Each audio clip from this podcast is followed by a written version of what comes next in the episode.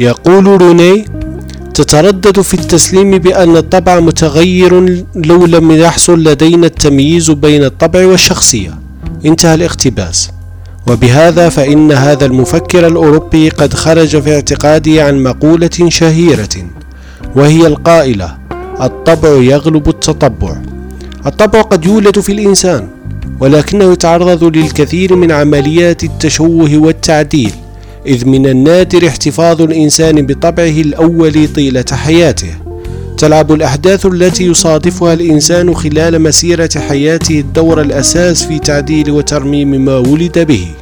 والطبع جزء من هذا أيضا. لكن بعض الجوانب من شخصية الإنسان تبقى عصية عن التغير ربما تخف حدتها لكنها تحتفظ بديناميكية حضورها.